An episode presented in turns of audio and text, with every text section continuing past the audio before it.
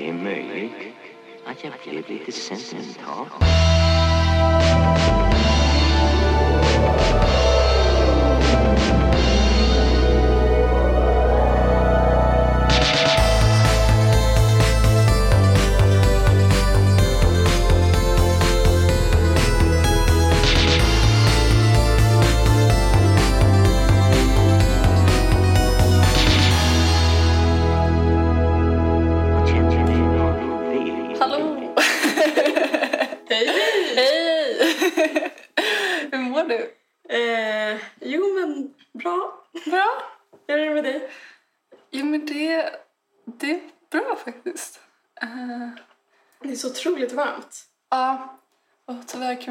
Fönstret öppet. Um, Jag gör ljudbilder. ja, så vi får bara lida. Men... ehm, nej, men det känns bra. Jag älskar typ augusti och Ja, september. jag också. Ja, det känns så skönt att typ... Eller det är fortfarande sommar, men att det ändå är på, vä- alltså på väg bort. Ja, men det känns som att så här, luften har gått ur sommaren fast på ett härligt sätt. Ja, visst. Att typ eh, alla såna här förväntningar och kanske ångestkänslor som man kan förknippa med sommaren är liksom bortstökade. Ja, Men det känns också som att det är typ i augusti sommaren börjar för oss med lite mer så här neurotiska losers. japp. japp. Ja, men vet du, jag tänkte på det att så här... Vi, vi som inte klarar av krav och press. Nej, precis. Nej, men så här, jag tycker ändå, typ på våren och så här fram till juni, alltså jag gillar ju våren, eh, känns som att man har väldigt mycket typ så förväntningar på Mm. olika saker som man ska göra. Och det känns som att man ofta gör de sakerna i typ juli. Eller så här. Du eh, menar resa och sånt där? Ja, precis. Ja. Eh, och det är kul, men sen är det bara så jävla skönt att det är över. Ja, verkligen. Men jag tycker alltid att hela juli känns som en dröm. Eller hela sommaren Ja. för den delen känns Ja. som en dröm. Alltså inte, inte en, varken, varken dröm eller mardröm liksom, men att det är den här liksom... Jag tycker man lätt får lite overklighetskänslor Ja. sommaren. Ja, men ja. Och att när det är över så kan man verkligen så här se tillbaka på det och bara, vad var det där? Ja. Och då är det inte ens att det har hänt något så här riktigt sjukt. Nej. Utan bara att det så här, det bara är juli typ. ja. jag håller helt med. Alltså verkligen. Så jag gillar augusti. Mm. Och ja, september brukar vara bra också. Och så har du fyllt år. Ja. ja, nej, men det är skönt att det är över. Alltså så kände jag också efter jag hade fyllt år. Ja, så här, ah, skönt att det inte är dags för någon 365 dagar igen. ja men precis. Ja. Nej men, ja det känns bra. Vi hade lite eh, typ inflyttningsfest slash eh, födelsedagsfirande. Mm. Eh, det var jättetrevligt men det är också skönt att det är förbi. Ja. men jag tänker, ska vi prata lite om varför vi heter som vi gör? Ja. För det är lite oklart kanske. Ja, inte minst för oss själva. Nej, Ja. jag skojar, det är jätteklart. Ja. Vad har du för take på namnet? Nej, Men vi heter ju Övre Nedre Slotts. Och då tänker jag att det har med Övre Slottsgatan och Nedre Slottsgatan att göra. Alltså två profilerade Uppsalagator. Um, Precis. Och du bor på den ena av dem? ja, jag bor på Nedre. Mm. Ehm, så för mig kändes det väldigt naturligt. Precis. Och jag strävar ju efter att bo på övre. Så att därav...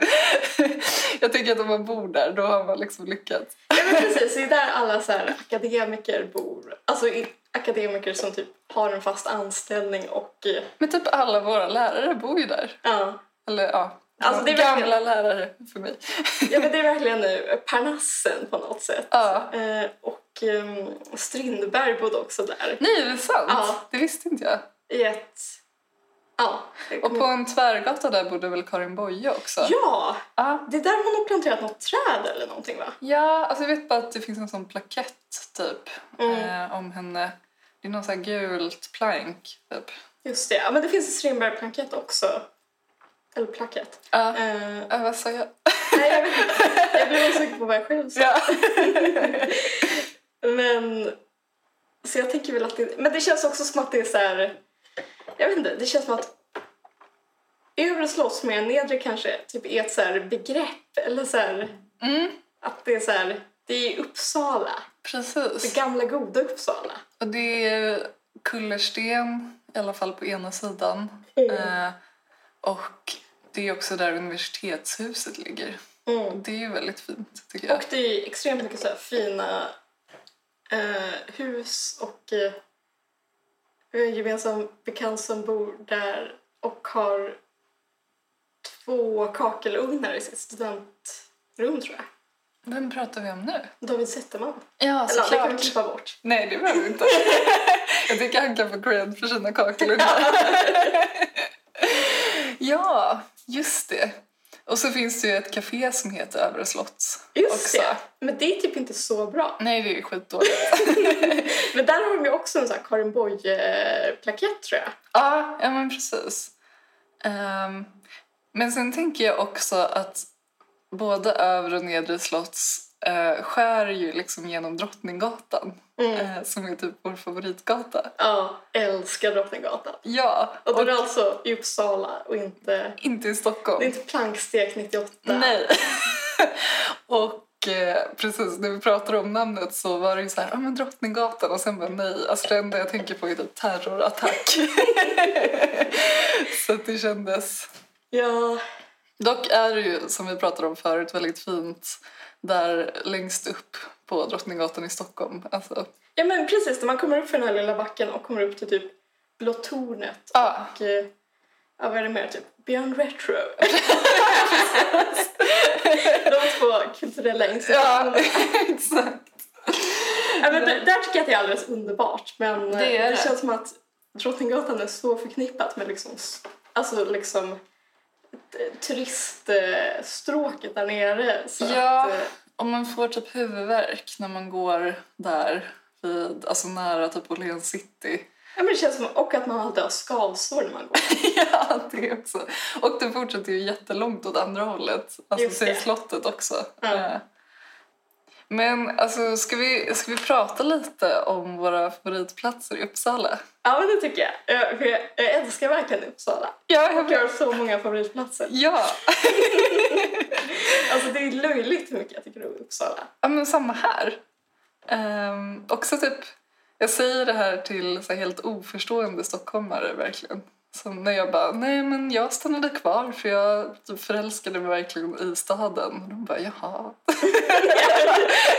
Det känns som att folk som är från Stockholm alltid är så himla, alltså som man pluggar med och sådär, är så himla så här, eh, ja, så fort, fort jag är färdig så ska jag dra tillbaka Ja, till, ja men jag hör så här uttryckligen folk som bara, jag hatar Uppsala. Typ. ja men folk, folk gör det Ja. på något sätt. ja, men har vi inte typ en given första plats? Jo, det har vi. Arrhenius va? Arrhenius Eller? Ja. på Drottninggatan. Ja. Och det är ett fantastiskt litet café. Ja, slash eh, kaffebutik. Mm. Jag vet inte om man ska säga att det är ett café eller en kaffebutik med sittplatser. Någonstans däremellan liksom. Ja men precis, det är ju väldigt litet. Ja, men finns det hjärterum? Och det gör det verkligen. Ja, och eh, jag vet inte vad ska man säga. Alltså, båda, eller jag vet inte, det är väl flera som jobbar där. Men det är väl två framförallt som är jättehärliga. Mm, shout out. Ja, verkligen. Shoutout. Nu har jag typ glömt bort vad de heter bara för Jag det. tror de heter Kalle och eh, Anders. Ja, ja men bra. Shoutout till Kalle och Anders. Och de är verkligen så här, ja men typ medelålders män fast på det mysiga sättet. Precis. Eh, de har men, ja, jättegott kaffe. Ja, Eh. Supertrevliga. De har lakritsmakaroner som jag alltid tar. Eh, de har också min fantastiska espresso tonic eh, dryck Just det. som jag dör för. Ja, jag, är lite mer, jag är lite mer konservativ. Jag dricker Mm. nästan alltid cappuccino. Men det känns som att du håller på att experimentera så himla mycket med olika så här, eh, matcha latte eh, sorter liksom. Det är för att jag är från Stockholm. Nej, men det är för att jag tror att det måste tilläggas att jag intar ett stort eh, kaffe eller jag har ett stort kaffeintag hemma. Eh, Så det jag- måste vara något särskilt när du ska dricka det på lokal. Nej men då tycker jag det är kul att testa någonting annat. Mm. Liksom. Inte för att jag har en espressomaskin hemma, alltså verkligen inte. Men, men ja, deras cappuccino är också jätte, jättegod. Ja. Jag funderar på att vara lite djärv och ta flat white nästa gång. Ja, du får återkomma och se hur det går. Eller hur det gick. Ja, men precis. Men, men, och det är alltid liksom, jag vet inte, det är bara riktigt så här härlig stämning typ. Det är också en stor skara med stamkunder som man träffar varje gång man är där. Typ. Ja, och det ändå tror att vi börjar liksom infoga oss. Vi hade ju en ganska så här typ eh, medvetet mål att Ja. stammisar i, ja men vi börjar gå dit typ i vintras eller någonting. Precis. Eh, jag tänker du är ju där lite oftare för du bor så nära. Mm, ja, jag var där idag senast. Precis. Men ibland känner jag typ så här, alltså att om jag typ inte har något särskilt för mig, och det har jag sällan. Kan jag verkligen känna så här att jag går dit och typ dricker min cappuccino och bara så här känner att det så här, typ ger mig en så här boost. Ja. ja, men jag vet inte, det är typ perfekt. Det är ju så här lagom boost där också. Ja men precis, och det är inte liksom Nej men det, precis, det är så här, la, precis lagom mycket så här interaktion typ. Mm. Precis. Ja. Och jag älskar att sitta på deras uteservering för då känner jag mig typ kontinental för att det bara är så här, alltså det är typ knappt en uteservering utan man bara så här sitter på en bänk mitt i gatan typ Mm. och känner liksom Liv. avgaserna och Ja, livet. ja. Drottninggatan är väl också känt för att folk kör för fort där. Är det så? Ja, det har jag, det har jag hört. Eh, men det är också när man ska upp för den här Carolinabacken eh, så är det så jävla oklart. Eh, jag vet inte om du, du kanske inte har kört bil där, men, men jag övningskörde där. Eh, fick såklart kärringstopp i den branta backen. Men gud. Men det är också så jävla oklart, typ, alltså den korsningen där. Alltså det är ingen som vet. Alltså där vid Nedre Slotts... Nej, alltså du vet precis utanför Carolina. Jaha, ja, Det är den oklaraste korsningen. Ja, men det känns som att man alltid riskerar att bli påkörd. Ja, Men det är också, alltså korsningen som är typ Nedre Slottsgatan, Drottninggatan tror jag också, för där finns det typ en skylt där det står så här typ särskilt eh, eh, så här, utsatt plats. Ja. Alltså, eller så här, att det är så här typ, eh, här sker det mycket olyckor ja, men mycket tutande. Ja, det verkligen. där. Ja. Men det är härligt, det är liksom, det är Rom. ja, precis. Ja, vad tänker du? Har du någon nästa favorit? Eh, ja men eftersom jag eh, bor där i närheten så skulle jag vilja slänga in Stadsparken. Eller Ja, Stadsträdgården. den är fantastisk. Ja. Och för att jag liksom älskar att promenera där och tänka så här typ det här är mitt, mitt gröna... Nej men så här, att jag Ja. så här typ det här är mina ägor. Det är jättefint och de har den här jättegulliga typ fontänen. Ja! Med sån här putti på, tror jag man säger. Alltså de här små typ Ja, vad heter det? änglabarn-ish. Ja, det finns något annat namn för dem också, men skitsamma. Eh, precis. Och Det det, känns- ibland är det typ så här tanter som stickar små sockor och sätter på, jag vet inte om du har sett det, men och sätter på deras fötter. Det är så gulligt. Det är jättegulligt. Och de har ofta jättefina alltså, blomsterarrangemang där. Ja, ja verkligen. Eh, superfint. Det är en stark rekommendation. Och jag har varit på konsert där. Just det, det Parksnickarna. Ja, såg Marcus Krunegård. Mhm. Det var jätte, jättebra verkligen. Jag har aldrig varit på konsert där. Nej, Det kanske borde jag göra såklart. Ja, nu är det inte så många konserter längre. Men det var också väldigt speciellt för att eh, alltså man sitter ju ner där, liksom. det är ju bänkar typ. Ja, det är lite så allsångs... eh, För jag har gått förbi där. Ja, precis. Och det var jätteintressant för att man, alltså först var det liksom så stelt typ och han bara gud, typ så här, jag har aldrig spelat för en sittande publik förut liksom. Och det var liksom trevande typ 20 minuter först. Jag tänker mig att det alltid är trevande om man ser Markus Krunegård. Jag vet inte, alltså det är verkligen någonting, ett ord att beskriva honom med. Ja, Trodde jag. Men sen liksom, sen lyfte det bara, alla sig upp och det var liksom världens, alltså jättebra konsert verkligen. Mm. Gud vad trevligt. Ja, jag älskar... Det känns också, jag har aldrig varit på Flustret heller. Nej, Men inte jag heller. jag gillar ändå tanken på att det ligger där. Ja, det är en väldigt rolig byggnad. Ja. Och, Väldigt Och- nedgången, men ändå rolig. och på, alltså typ i december så brukar man alltid sätta en stor toppluva Ja. på alltså typ kupolen. Ja, tomteluva. Ja. Alltså, mm, det är fantastiskt. Det är så gulligt.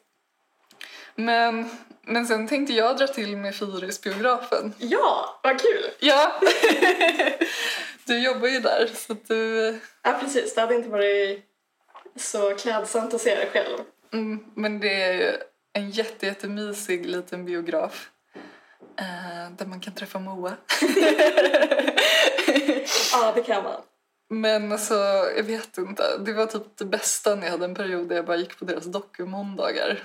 Eh, Som jag ska ta över ju. ja, Eller jag, alltså jag kommer inte hålla alla samtal men jag kommer vara den som drar i diverse trådar och så. alltså det är så roligt. Mm. Eh, jag längtar verkligen. Är det oktober de skulle öppna igen eller?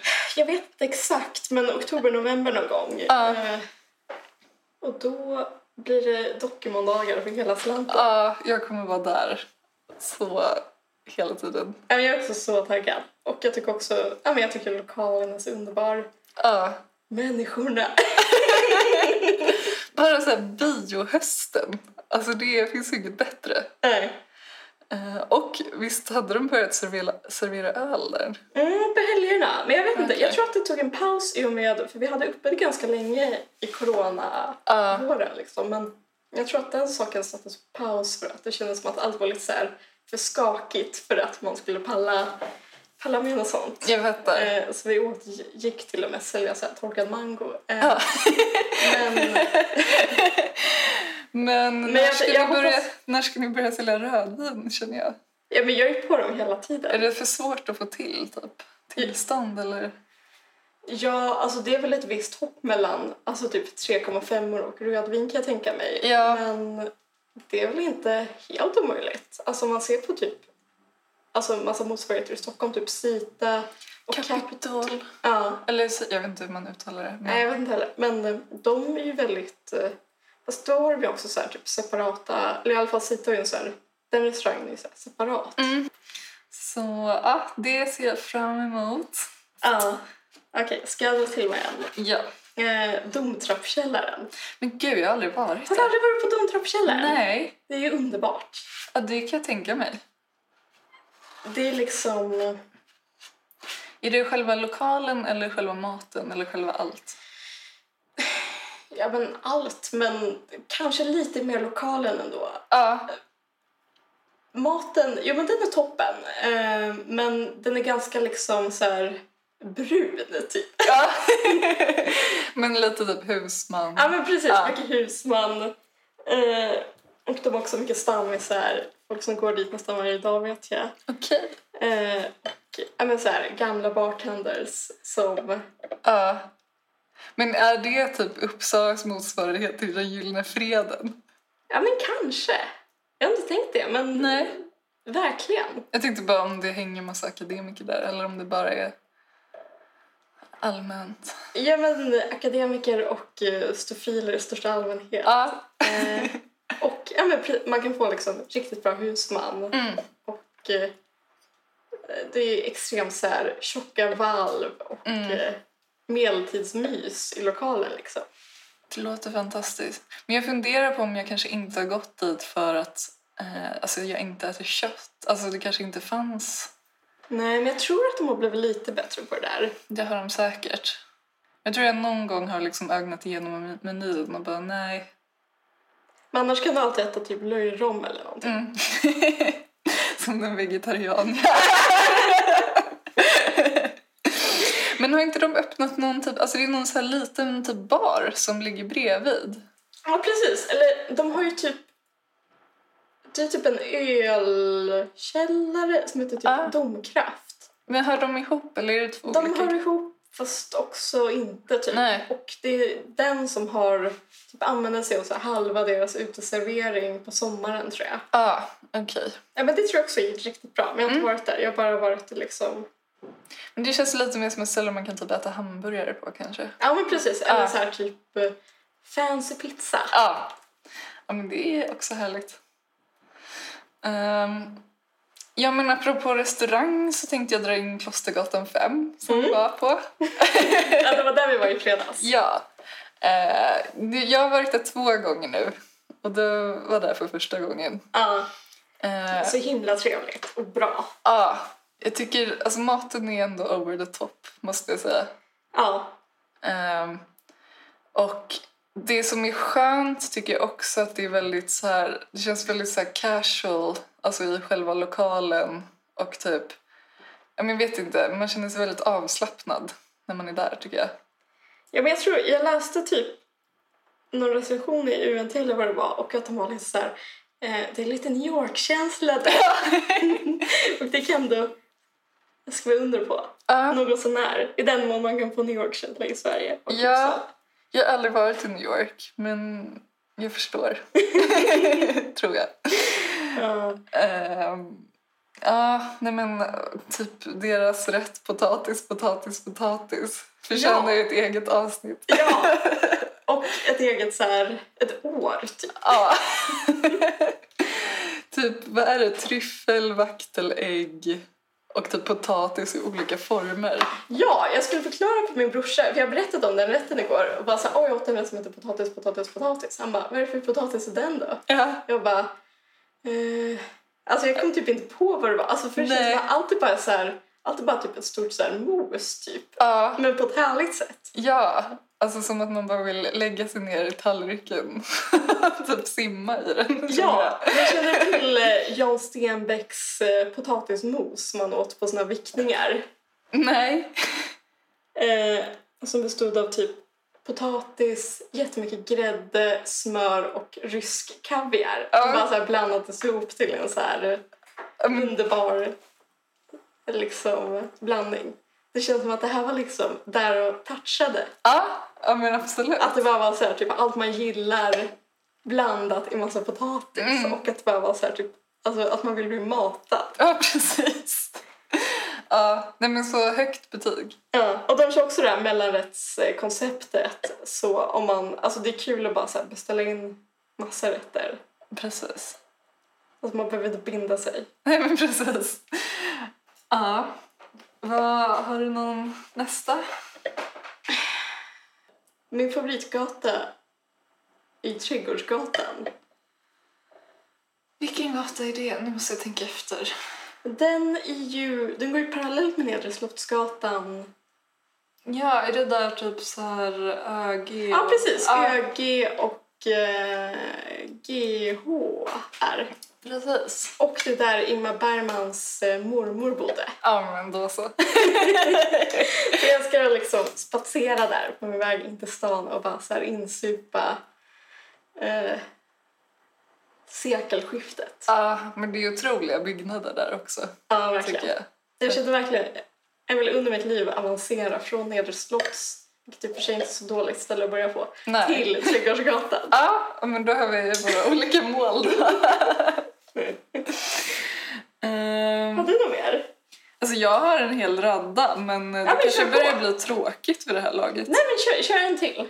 Nej, men, eh, men kanske Mårtens lilla bokhandel Böcker och blad Ja just det. tycker jag ändå förtjänar en plats. Ja verkligen. Den är ju, Uppsalas bästa bokhandel. ja, och Mårten som jobbar där är en helt fantastisk person. Och han hade Drottninggatans bokhandel innan. Ehm, men den är ju tyvärr inte öppen på sommaren.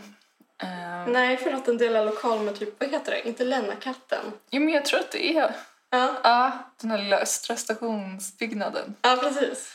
Eh, men så dit måste man gå, tänker jag, om man är nära stationen eh, när det öppnar igen. Mm. Och bara om man typ vill ha en bokhandel i Uppsala Ja, så ska man gå dit. ja, det är den enda jag går till faktiskt. Trot eller ej. ja, nej men det, det kanske räcker för, för idag. Ja, men vi återkommer väl? Ja, det gör vi. Eftersom vi båda älskar att prata om Uppsala. Ja men precis. Det här hade ju också kunnat fortgå i två timmar. Ja, men om vi inte lag band på oss själva. Jag känner verkligen att vi måste, så här, måste varva ner lite. ja. Apropå det så vill jag ha ett till glas vin. Det är möjligt att jag blev lite sentimental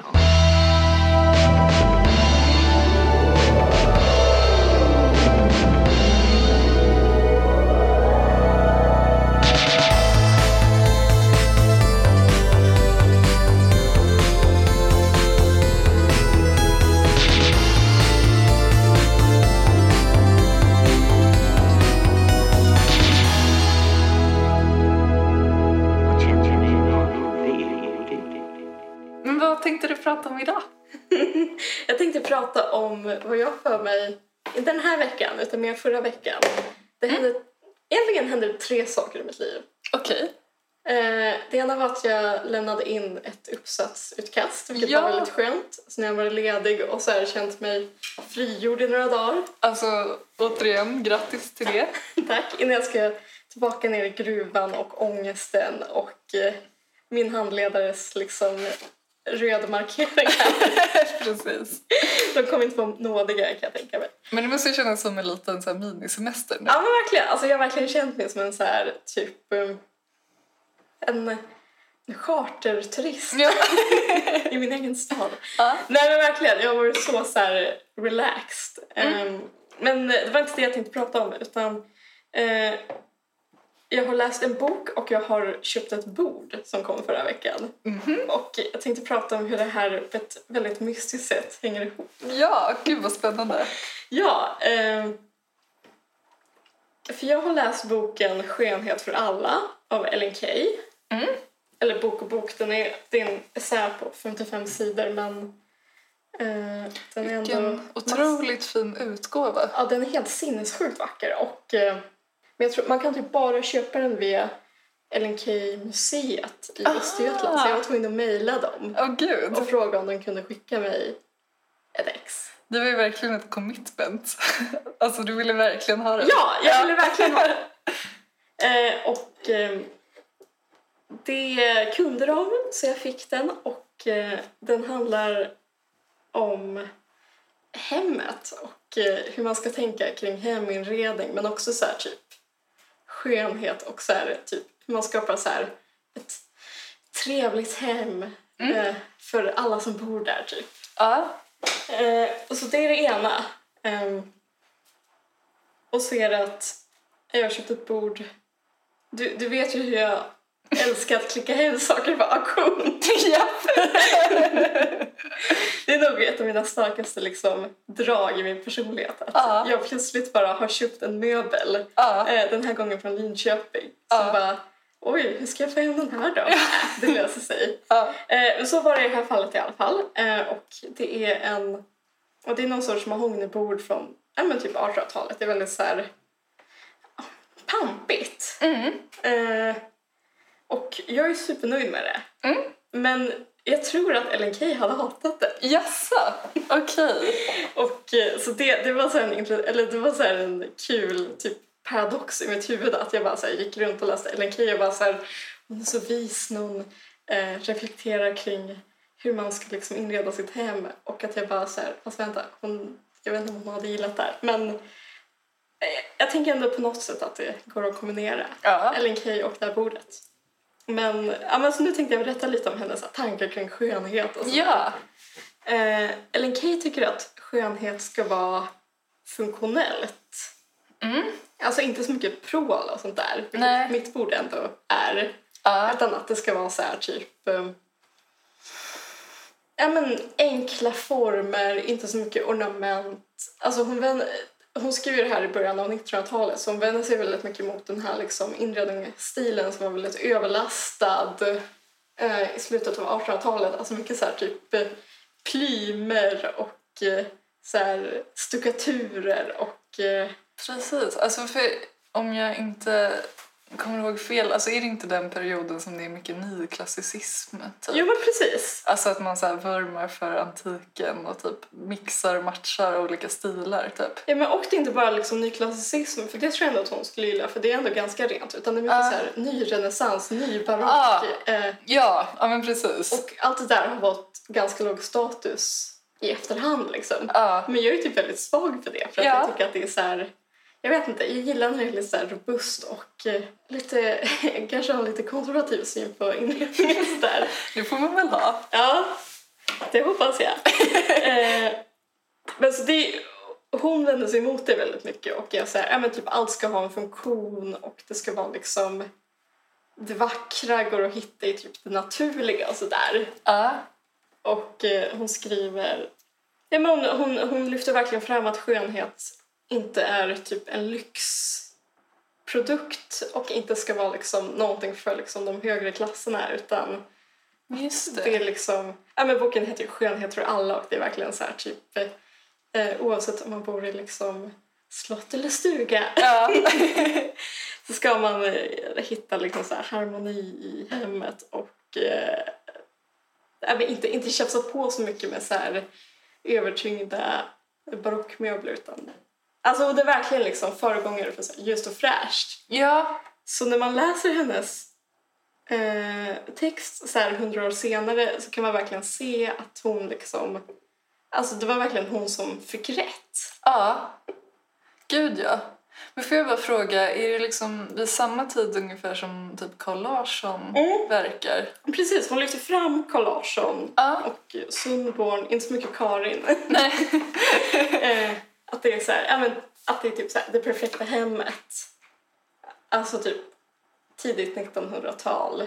Mm. Och där är också verkligen så här, alltså kanske inte så ljus och fräsch alltid men ändå att det är så här, någon lite så här ganska enkel skönhet liksom. Mm. Och någonting för alla i familjen och inte så mycket så här typ det här rummet sitter vi bara i en gång om året Nej, men- när den här släktingen kommer utan att det verkligen är så här allt ska användas hela tiden och det är där liksom som det sköna uppstår. Men det, för det var ju verkligen så, alltså förr i tiden, att man hade typ så här ett finrum eh, Ja, som man aldrig gick in i. Typ. Även ganska, alltså även typ långt in på Ja. 1900-talet tror jag att det var mycket så att Ja. eh, det har jag hört om typ, alltså när kanske så här, det byggdes mycket så här funkis eh, tvåor och sånt där Ja. som arbetarfamiljer flyttade in i att de var så här, bara använde det ena rummet trots att de var liksom flera stycken. Och Ja, var så här, nej det här kan vi bara använda eh, för julafton. liksom. det är så hemskt. Man vill bara gå tillbaka i tiden och bara, ni får använda det här rummet också. Typ. Ja, liksom, det blev är typ åtta pers. Det tänker jag alltid på eftersom jag bor i en tvåa från ja, men typ 40-talet. Att så här, tänk, om, tänk om det var några som bara hade typ mitt vardagsrum och bara så här, det här är vi aldrig. Nej, Det här är liksom... ja, då blir det väldigt litet om man tar bort det rummet. Mm. Så. Men så man förstår verkligen att Ellen Key fyller en funktion där. Men det känns också som att, jag vet inte. Jag typ är ändå ganska svag för prål och lyx och eh, så här onödiga saker. Jag vet inte om det kanske, alltså jag vet inte om det är jag eller om det är så att pendeln har slagit tillbaka. Vad tror du? Jo men det tror jag verkligen. Det var precis det jag tänkte säga. Att så här, vi är väl ändå uppvuxna med, eller inte uppvuxna kanske, det var väl kanske inte så mycket så på 90-talet. Men jag tänker liksom början av 2000-talet var väl då det började med det här ljust och fräscht. Ja. Om jag kommer ihåg rätt. Ja, men ändå så här typ att alltså funkisstilen är väl ljus och fräsch liksom. Ja. Ja men och då är det väl klart. Jag menar, om man kan ju dra paralleller till, alltså jag tänker på det här alltså bara som bokälskare, citationstecken. Nej men typ så här det här med, du vet när folk började typ så här vända bokryggarna bak och fram för att det skulle bli så här vitt och ljust. Typ. Just det, men det är verkligen så här ljust och fräscht, alltså gone wrong. Ja, men jag menar när det begav sig kände man ju så här, gud jag vill bara köpa nu ännu mer böcker eh, i excess för att liksom, jag vill fan inte vara en del av bak och framvända bokryggar. Nej, men precis. Jag kan också verkligen känna så här att jag vill typ så här, alltså att jag vill så här inreda mitt hem som en så här typ eh, inrökt italiensk gumma som kanske bara så har så askfat och så här porslinstigrar. ja. Alltså att jag vill bli så Anita Ekberg eller något Ja. liksom. Men jag är inte där än.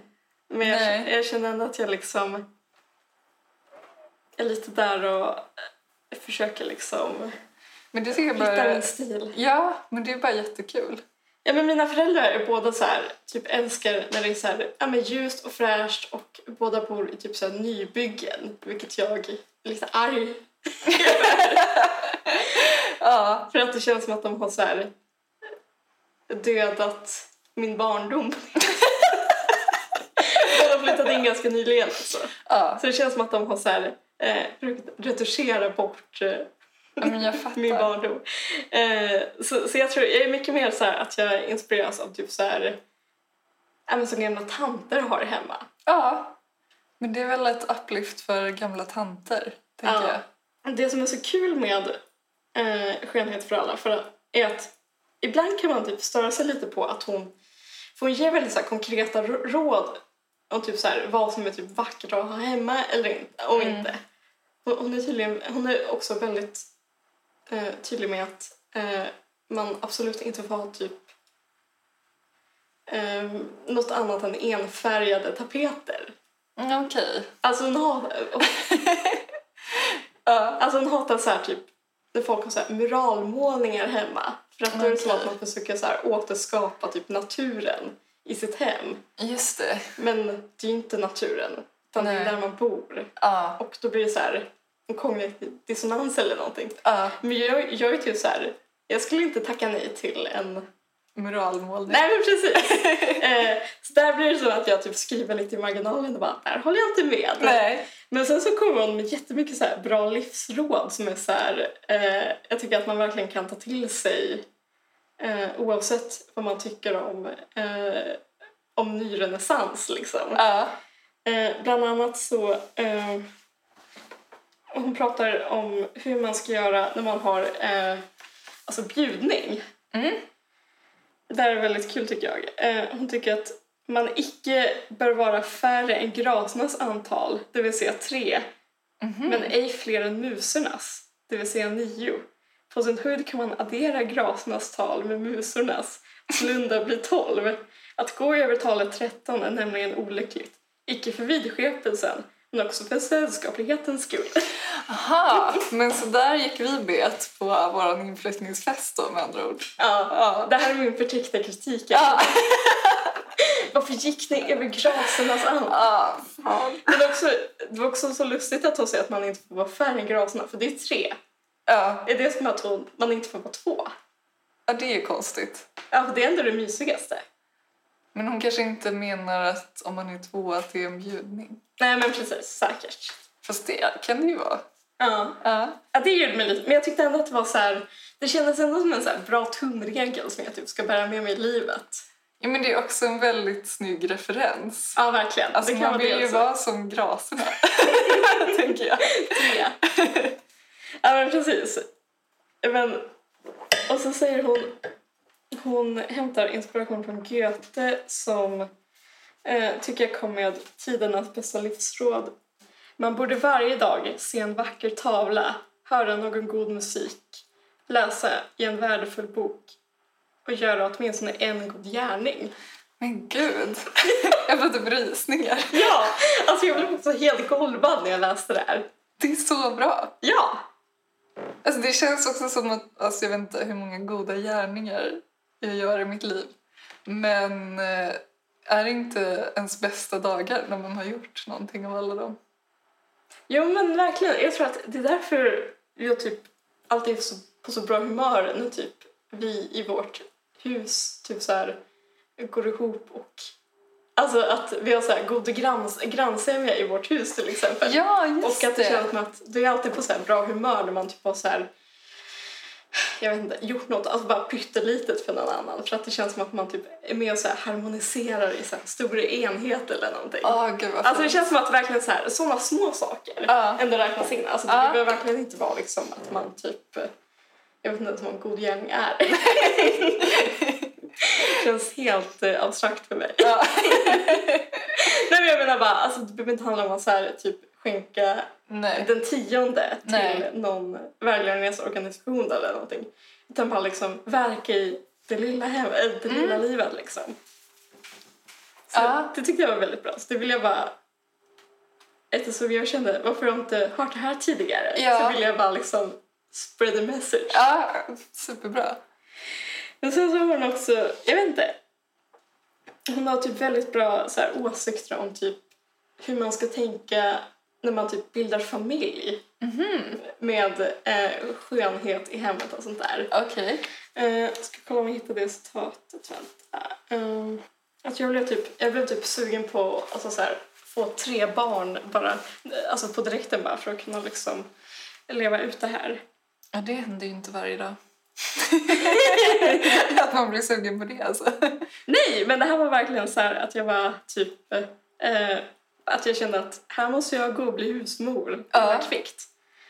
Eh, hon skriver varje hem har plikten att göra även vardagen och söndagen innehållsrika för barnen genom små nöjen efter slutat arbete. Om vinterns sagostunder vid brasan med äpplen och nötter vid särskilda anledningar. En sång kring pianot eller läsning av en ny rolig bok. Eller förevisning av ett planschverk. Väldigt låga så här, om man tänker på hur barn har det idag så är det Ja. ganska så här, eh, liksom låg energiska aktiviteter. Ja. Jag tror, det, det är så här man vill vara. Ehm, och sen så skriver hon en mor som är en hemlivets konstnärinna kan för aftonens samvaro skapa det lugn som redan ger barnen en festlig känsla. Hon förestår att med några blommor i en vas och andra enkla små anordningar för skevnaden fyll, fylla barnens sinne med omedveten skönhetsglädje medan den mor som saknar hemlivets eh, konstsinne däremot dagligen pinar mannen och barnen genom oro, den fulhet, den hållningslöshet hon kring sig utbreder och tillåter. Ja, men det, det är liksom eh, raka puckar. Ja, men verkligen. Ja. Så jag kände verkligen så här typ... um, Verkligen så här, det där ska jag ta till mig. Men det tycker jag väl att man kan ta till sig även om man har ett mahognybord. Ja, ja men precis. Det är det, det, är det jag menar. Att liksom, eh, oavsett vad hon hade tyckt om mitt eh, pråliga bord, Ja. hur pråligt det nu är, Ja. eh, kan vi ju diskutera. Men kan, kanske lite väl för Ellen Key så kändes det ändå som att den stora behållningen var i de här typ livsreglerna. Ja. Eh, så det kändes, på något sätt kändes det som att typ jag fick min egen Jordan B. Peterson. Ja. Alltså om han är så här typ, du måste gå upp varje dag och bädda din säng och Ja. eh, så här, vara trevlig mot din mamma eftersom alltså, alla i hans publik bor hemma. ja. så var det här liksom, du måste gå upp, göra det vackert för dig och Ja. typ så här, eh, se något vackert och göra en god gärning. ja. Alltså det tyckte jag var så liksom, Men jag känner mig inspirerad. Alltså kan inte det här också vara råd som man behöver typ i coronan? ja men verkligen. För att om man är permitterad eller jobbar hemma, alltså det är så himla lätt att man bara går runt i sin morgonrock och typ förtvinar. eller förstår du vad jag menar? Ja men gud, eller bara om man är student eller Ja. det nu är. Ja men precis, att det är verkligen så här, Alltså typ tillåta sig själv att göra det fint och typ, inte, må bra över små saker I guess. Ja, men hon är också väldigt bra på att lyfta fram den saken. För att det var en sak som jag eh, så här, strök under och bara så här, skrev typ så här. Det här är bra om man bor i andra hand eller någonting. Jag ska kolla om jag hittar det. Ehm, ja, jag skrev eh, tips till alla som bor i andra hand. Um, och det kommer nu. Mm, det här gäller, gäller också inte bara dem utan de som ej själva har vad säker smak. Ehm, detta är ett säkert medel att göra även det fattigaste vindarum vackrare. Ha dess invånare håg för böcker och blommor. Då ger en hylla med snyggt hållna böcker, några väl skötta växter och ett par goda trädsnitt. och um, ljustryck genast intryck av trevnad och förfining. Om en bohaget är aldrig så tarvligt och slitet. Har man sedan lyckan att få in sol i rummet och släpper in den i fulla floder eh, då kan man ett sådant rum vara vackrare än många rikas praktgemak. Ah, amen. Så det är verkligen... Eh, det finns någonting för alla. Ah. Ja men gud vad kul. Jag vill läsa den. jag. Ja, ja men du får låna. Det var superbra. Kan verkligen rekommendera. Och ganska tunn. Ja, precis. 55 sidor eller något sånt Ja. där. Gud vad nice. Så, eh, ja, vad ska jag säga? Läs Ellen Key. Mm. För att summera så är väl eh, hennes så här, konkreta inredningsråd, mm, får ta med en nypa, nypa salt, men livsråden liksom fem av fem. Fem av fem. Det är ju det man vill ha också. Livsråd från en kvinna som har levt. Ja, och hon har verkligen levt tror jag. Ja.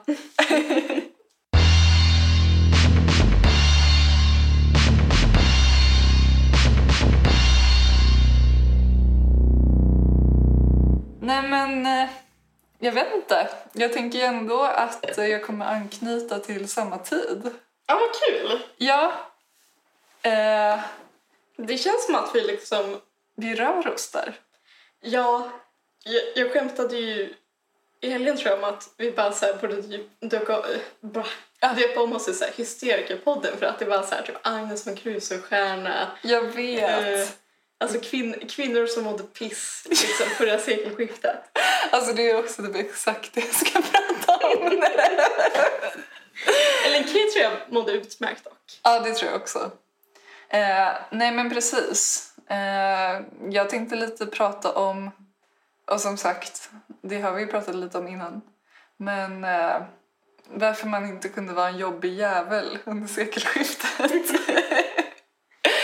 Eh, nej, men jag har läst eh, den här boken om, som heter Märta och Hjalmar Söderberg, en äktenskapskatastrof eh, som kom ut 2014. Eh, och den är skriven av Johan Kullberg och Björn Salin. Eh, och jag var typ lite inne och nosade i den när jag skrev min uppsats. Eh, men det var mest bara för att få ja, men lite typ psykiatrihistoria. Men sen använde jag inte den alls. Eh, Det känns som att den är ju verkligen allt som du typ brinner för. Jag vet! Eller det ser jag utan att ha läst den, men jag menar bara så här, typ, jag vet! litterära giganter, sekelskifte, hysteri, Ja. Nej men jag fattar inte varför. psykiatri. Hur kan jag inte ha läst den tidigare? Det är helt sjukt. Men jag blev glad i alla fall nu när jag äntligen tog upp den. Ehm, för att eh, alltså jag, jag älskar ju verkligen Hjalmar Söderberg. Det är typ en av mina favoritförfattare. Mm. Eh, och det här, det här kan man ju säga ger en liten annan bild av honom. Eh, jag tänker typ de flesta kan väl sin Hjalmar Söderberg men han föddes 1869 i alla fall. Och typ hans verk som han är mest kända, känd för är Förvillelser, Martin Birks ungdom, Dr. Glas, Den allvarsamma leken eh, som alla var romaner, men han skrev också jättemycket noveller och dramatik. Eh, och även den här Gertrud som jag har läst nu, som jag fick låna av dig. Mm. Eh, och den verkar ju vara lite av hans eh, liksom främsta eh, pjäs ändå. Ja, de andra pjäserna tror jag sällan sätts upp och sånt där. Men den här gick ju ändå, det gick på Dramaten typ 2014 eller någonting tror jag. Ja, Eller jag vet att den gjorde det, för jag såg den. ja, ja men precis. Det, var, den, här, den tror jag är mest så här uppskattad. Jag tror att det är den som har åldrats bäst. Ja, men det tycker jag också. Den var, den var jättebra. Eh, men det som jag verkligen typ gillar med den här boken eh, är att alltså författarna de tar liksom ingen sida i den här äktenskapskatastrofen eh, utan de pratar väl mer om liksom omständigheterna runt omkring dem. Eh, och det tycker jag är väldigt fint. Eh, och jag rekommenderar den. Alltså det är ju verkligen eh, fack, facklitteratur men alltså den är så otroligt spännande. Eh, så det är nästan som att läsa en roman. Eh, Mm. För att det händer så otroligt mycket. Eh, och eventuellt kanske man vill sluta lyssna nu då. för att jag kommer berätta vad som Ja, händer. just det. Tack, tack för idag. Ja, tack för idag. Ehm, ja.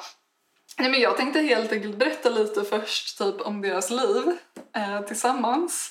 Ehm, de gifter sig, de får tre barn eh, och hon kommer från en väldigt så här, fin och ganska rik familj. Eh, och därför så har hon ju liksom inget arbete eh, utan hon blir gift och ska liksom vara fru. Eh, för det var ju så det var på den tiden. Och liksom i början så beskrivs Märta då som väldigt här, snäll och blyg och trevlig. Eh, och eh, Hjalmar då kommer från en tjänstemannafamilj och han startar ju väldigt tidigt en litterär karriär, alltså typ när han är 17. Eh, och ett väldigt roligt citat eh, från det eh, står Hans litterära intresse hade vaknat och som 17-åring drömde han om att bli poet samtidigt som han lite motsägelsefullt ville bli rik. det tycker jag är väldigt kul, men det är också väldigt eh, på något sätt sorgligt eh, mot bakgrund av vad som sen händer. Eh, Men det är också, jag kan relatera väldigt starkt. ja. Att både vilja bli poet och rik. Ja, alltså så jobbigt att det finns en motsättning där. Ehm, nej men, ehm, och när de gifter sig till exempel så lovar då Märtas far att han ska liksom bidra till eh, deras underhåll i hemmet. Eh, men han får sen ett slaganfall och typ alla hans affärer går jättedåligt. Han typ investerar i något så här företag som går jättedåligt. Eh, så att han slutar då bidra till hushållet. Eh, och de får jättesvårt att leva på Hjalmars liksom, inkomster för att han, han blir ju ganska erkänd tidigt men han får liksom inte så mycket pengar ändå. Eh, och då ska han ju ändå ta hand om liksom, en fru och tre barn och så vidare. Eh, men det första som händer är att de får så jävla mycket problem med sitt tjänstefolk. Eh, för att det hade man ju liksom, i ett borgerligt hem. Um, och det här var tydligen ett stort problem vid tiden för att det fanns liksom för få uh, jungfrur då. Är det sant? Ja, så att Jag de... trodde att det kryllade av jungfrur på den tiden. Ja men det tror man, men de var tydligen för få och det gjorde till att liksom man var tvungen att ta första bästa i princip. Eh, även om de gjorde ett jättedåligt eh, jobb. Eh, och det här startade då liksom en karusell av att de bara avskedar och skaffar nya jungfrur hela tiden. Som kan verkligen tära på även de bästa äktenskap. Ja men verkligen. Eh, men sen är ju ett annat stort problem att Märta får reumatism. Eh, och hon får ju själv jättesvårt att ta hand om alltså både sig själv och barnen och blir ju extremt beroende av de här olika jungfrurna. Liksom. Eh, för att hon, hon har ju svårt att röra på sig helt enkelt. Um, och sen är det bara så här synd om henne för att Eh, alltså typ ingen tycker om henne. Och så här, ingen av Hjalmars vänner tycker om henne. Och liksom, hon är, det är, hon är inte litterär. Eh, och hon är, alltså, som de skriver, liksom väldigt blyg och nervös. Hon gör sig inte så särskilt bra i liksom, de här litterära sociala sammanhangen. Eh, och de säger liksom att ah, men hon bara dricker för mycket och gör bort sig. Vilket man ändå kan relatera till. Alltså, det, och att ingen tycker om en. Ja, alltså så här, i sådana sammanhang. Man kan bli, man kan bli jävligt nervös. Eh, en annan grej som händer är att hon drabbas av näskatarr. Den osexigaste sjukdomen jag har hört om tror jag. ja, nej men och då, då startar det liksom att både Hjalmar och alla andra tycker att hon är bara så jobbig för hon är uppe och snyter sig hela nätterna. Och hon får liksom opereras tre gånger för det här. Uh, det blir liksom aldrig riktigt bättre. Eh, utan hon har jätte, jätteproblem med det och kan därför inte sova. Eh, och mer och mer så behöver hon liksom behandling för sin reumatism och det är ju liksom, finns egentligen inte någon riktig behandling för det på den tiden. Eh, men hon får liksom skickas till jättemånga olika såna här kurorter som var väldigt stort vid tiden. Eh, så att hon, hon är liksom på typ alla kurorter som någonsin har funnits i Sverige. Eh, och får liksom olika så här bad och massagebehandlingar och sådär. Och det hjälper liksom i stunden men det är inte så att hon blir botad på grund av det. Eh, men Jalle då, han eh, tycker det är skitjobbigt att hon behöver så mycket vård hela tiden. Eh, det är han som får betala för det här. Eh, och dessutom så får han liksom ingen arbetsro när han är hemma för att han, hon, hon klagar så mycket och barnen lever upp och så här, han måste fly liksom för att få skriva. Och en sån sak som att när hon typ skriver till Hjalmar från en sån här kurort då så tycker liksom hon, han att så här, hon börjar typ bli senildement för att hon har så himla ful handstil. Men det är ju för att hon har reumatism. Det är bara så himla orättvis anklagelse. Ja, gud. Ehm, det är klart det är svårt att skriva brev liksom, när, när händerna inte funkar.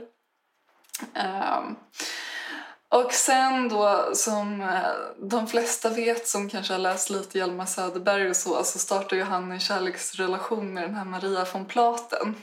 Eh, vilket också skildras lite i Den allvarsamma leken och Gertrud. Eh, men hon upptäcker det här genom att hon ser ett brev som den här Maria har skickat till honom. Eh, och efter det så blir hon väldigt upprörd. Men då beskriver Hjalmar det som att hon förföljer honom. och han flyr då till Danmark. Just det. Eh, och det är liksom under den här tiden som hon verkligen börjar bli stämplad som hysterisk. Eh, men alltså det kan man ju, ja hon, hon försöker ju rädda sitt äktenskap liksom. Men är väl väldigt jobbig helt enkelt.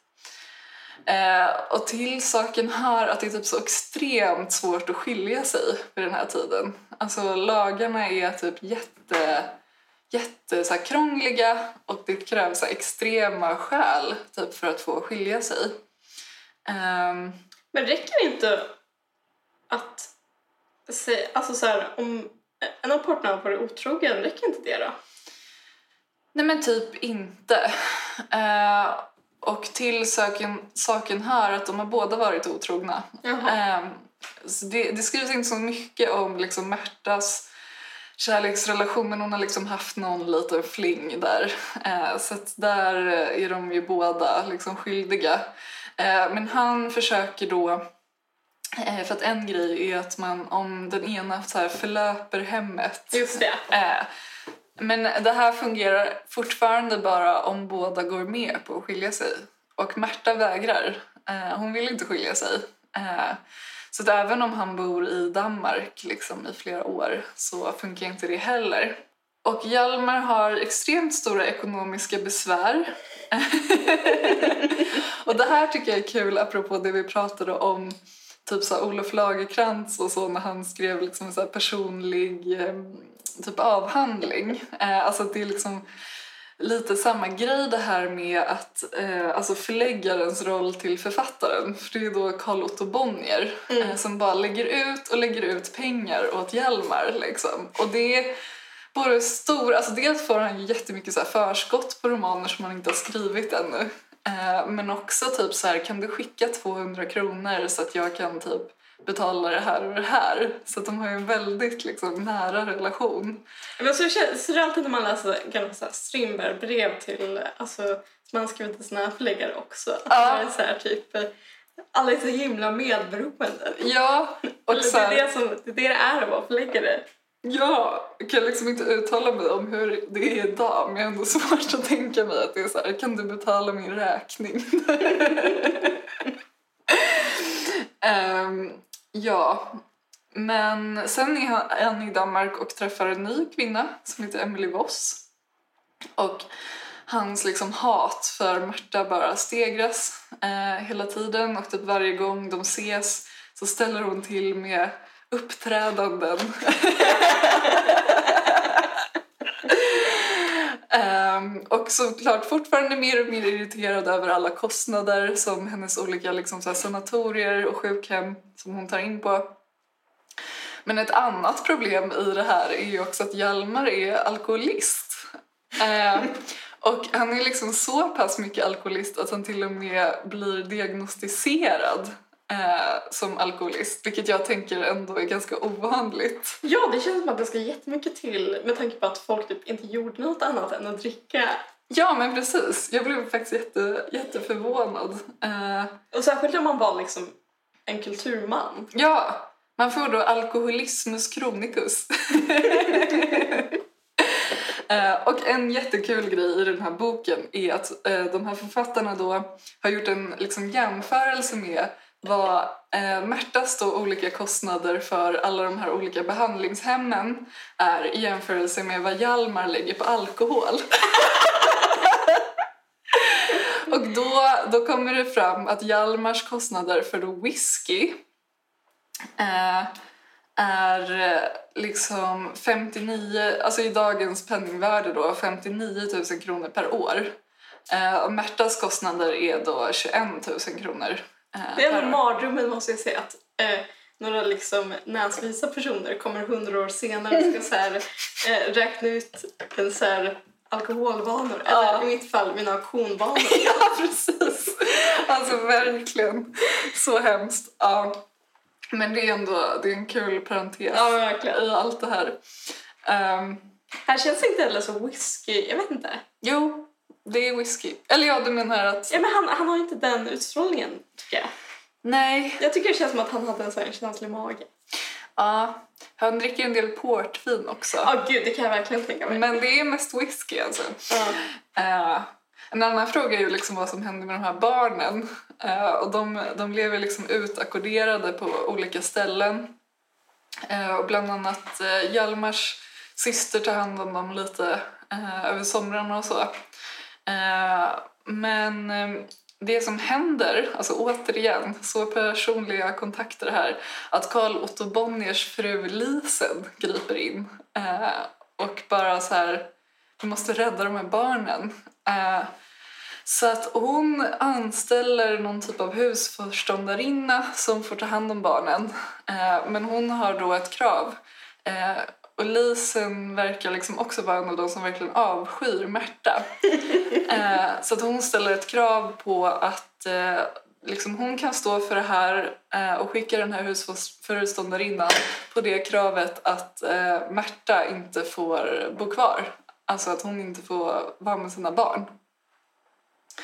Eh, och det som händer är liksom att eh, hon blir i princip bortlurad eh, till ett eh, sinnessjukhus eh, och blir liksom omyndigförklarad eh, för att allt det här ska gå igenom.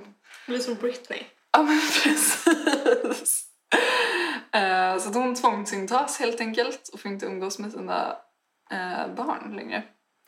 Ehm, Men var det, alltså när hon blev, hamnade på det här mentalsjukhuset, um, var det liksom, alltså lockade de med någon sorts reumatismbehandling eller? ja, ja, men exakt. Men gud. Ja, alltså de bara du får komma till det här sjukhemmet och hon bara ja jättebra liksom. Eh, för att hon uh, ville ju bara ha vård. Ehm, nej, men så då, då blir hon intagen. Men jag tycker också det är lite kul. Jag tänkte läsa lite här eh, ur hennes journal då vad hon liksom vad hon blir ja, hur hon blir diagnostiserad kan man väl säga. Då är det bland annat en syster till patienten lär ha måste omhändertas när hon visat sig vid lyftig i erotiskt avseende. Flera kvinnliga släktingar excentriska. Ytterst erotisk, utan spår av skamkänsla. Talat om de mest skabrösa ting med den första bäste. Ej generat sig för att visa sig avklädd för vem som helst. Lynne ojämnt, häftigt, retlig, krånglig. Stark könsdrift. Stiftade nyligen på gatan bekantskap med en herre. Patienten alltid abnorm, klent begåvad, intrigant, teatralisk, oduglig till allt arbete, lögnaktig, i hög grad erotisk, i fullständig avsaknad av skams, skamkänsla såväl i fråga som, om sexuella som ekonomiska ting. Ehm, gjort pigor och madamer till sina förtrogna. Det är ändå det bästa.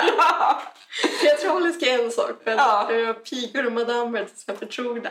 Och här kommer det här, kunnat hålla på tre till fyra timmar varje natt med att snyta sig. Ehm, ja, var, ja men och då får hon till slut diagnosen insania degenerativa. Eh, och eh, det är liksom som eh, bara att man är imbecill helt enkelt. Eh, och i det så beskrivs hur också hon har ett anmärkningsvärt litet huvud. Vilket verkligen känns så här rasbiologi coming up liksom. Ja, verkligen. Också så här, pa- patienten berättar en ordrik svada utan hänsyn om sina intimaste familjeförhållanden. Och jag känner bara, det är väl typ så här varje gång jag är full. um, pratar ständigt om sina åkommor. Eh, och det är, väl, det är väl att vara hypokondriker liksom. Ja, det där, där känner jag att jag eh, kvalar in. Ja, ja men säkert jag också. Eh, också saknar tacksamhetskänsla. Och man bara, vad, vad har hon att vara tacksam för? Känner jag. Ja, I sitt lilla liv. Ja, men verkligen. Eh, och liksom samtidigt sitter Jalle då i Köpenhamn och dricker en flaska White Horse om dagen. Det är alltså en whisky. Med Maria von Platen. Nej, med Emily Voss. Ja, just det. Ja, kvinnan nummer två. Eh, men genom den här sinnessjukförklaringen eh, så hoppas han ju på skilsmässa. Eh, men alltså det här drar ut på tiden. Alltså det tar jäkligt många år. Och Emily Voss å sin sida, hon börjar ju också bli jävligt irriterad. För de får ett barn också. Så utomäktenskapligt.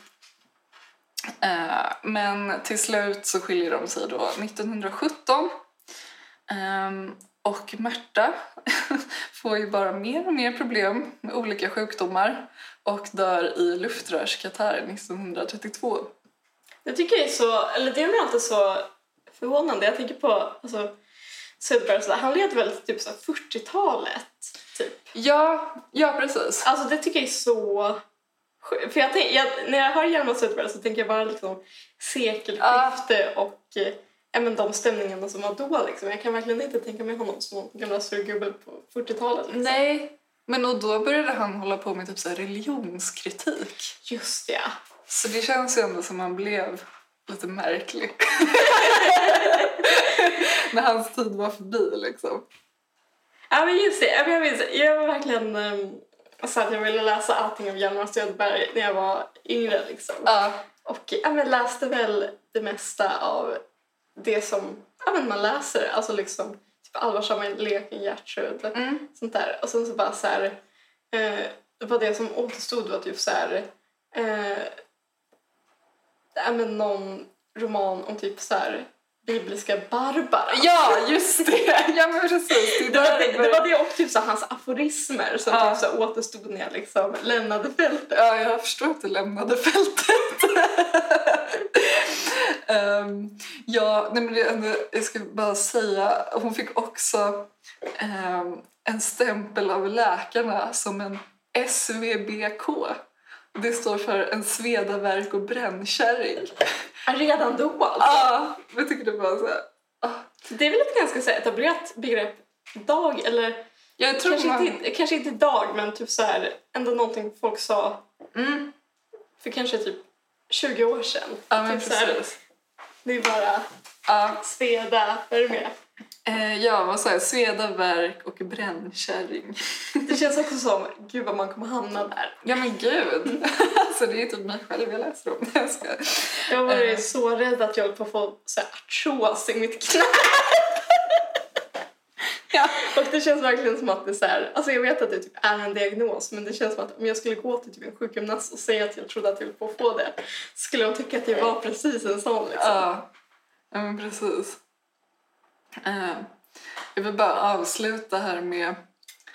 Alltså för grejen är att hon blev ju stämplad som sinnessjuk men ändå så är det många av hennes barn som liksom bestrider den här stämpeln eller vad man ska säga och menar på att alltså, de hade en väldigt bra relation eh, och hon var en jättefin mamma och sådär. Eh, men eh, 1932 så skriver då Tom, som är en av sönerna, till sin far. Vi har alla haft en mycket trevlig jul, som vilket inslag av ljust vemod genom en händelse som väl för pappa bör kännas som en lättnad att erfara. Vår mamma är död. det är så hemskt. Det är kul att liksom, inte bara så att Hjalmar Söderberg hatar henne, um, Lise Bonnier hatar henne, Ja. utan också så här, hennes barn. Ja, och typ den där husföreståndarinnan eh, som heter typ Elisabeth Andersson eller någonting. Det är bara de här mamsellerna som hon har gjort till sina förtroenden. Känner någonting annat för henne. Ja. Nej men liksom, jag vet inte, jag tycker bara hela det här dramat verkar så typ förjävligt egentligen för alla inblandade kvinnor typ. Alltså typ alla de här som vi nämnde liksom. Um, men, eh, men trots det så är Hjalmar Söderberg fortfarande en av mina favoritförfattare. Um, men egentligen tycker jag att båda verkar vara jobbiga jävlar helt enkelt. Ja, men det här var. Det är lite sidospår, men jag har ju sett den här dokumentären om eh, huset Windsor. Eh, Just det. Alltså engelska kungafamiljen. Ja, Och eh, din prata fick mig att tänka så mycket på Diana och eh, prins Charles. just det. Ja, För där är också liksom att... Alltså prins Charles är ju konstant otrogen eftersom hans ungdomskärlek eh, aldrig har lämnat honom liksom. vad är det hon heter? Camilla? typ? Camilla Parker Bowles. Just det.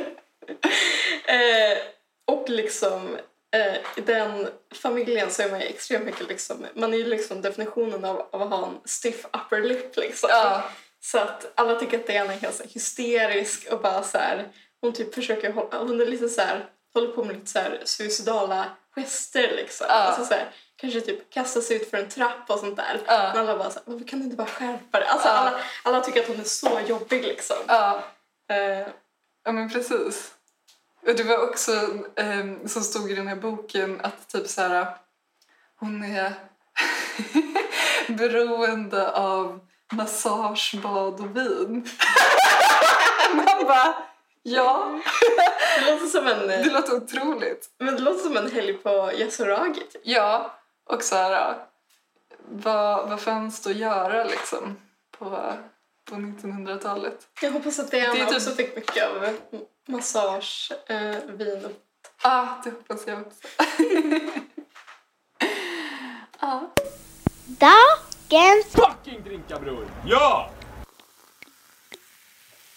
Har vi någon dagens drink? Eller? Den som vi drack i helgen. Ja. eller är det... Bacardi, Loka Crush och eh, den här lemonaden som jag köpte på Ica Stabby. Supergott. Men det som slog mig var att egentligen den godaste Luca Crushen är den med ananassmak. Är det det? Alltså jag har noll.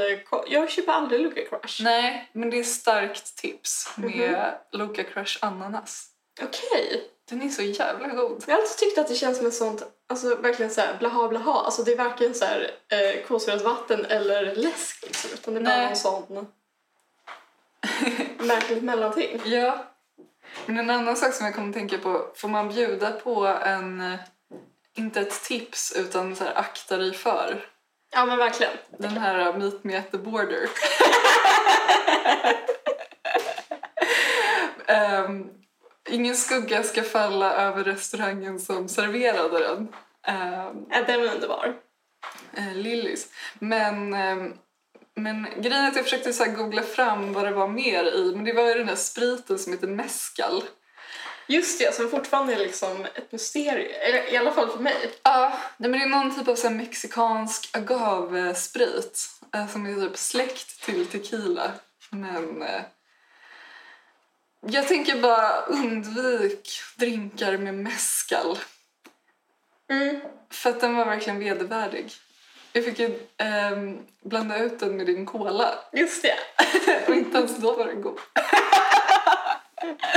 Men namnet var ändå fem plus. Ja, men också att det känns så typiskt mig att, så här, att jag egentligen gillar typ så här jättetjejiga drinkar men att jag ibland får så här infall och bara jag ska ta en sån här vuxen drink.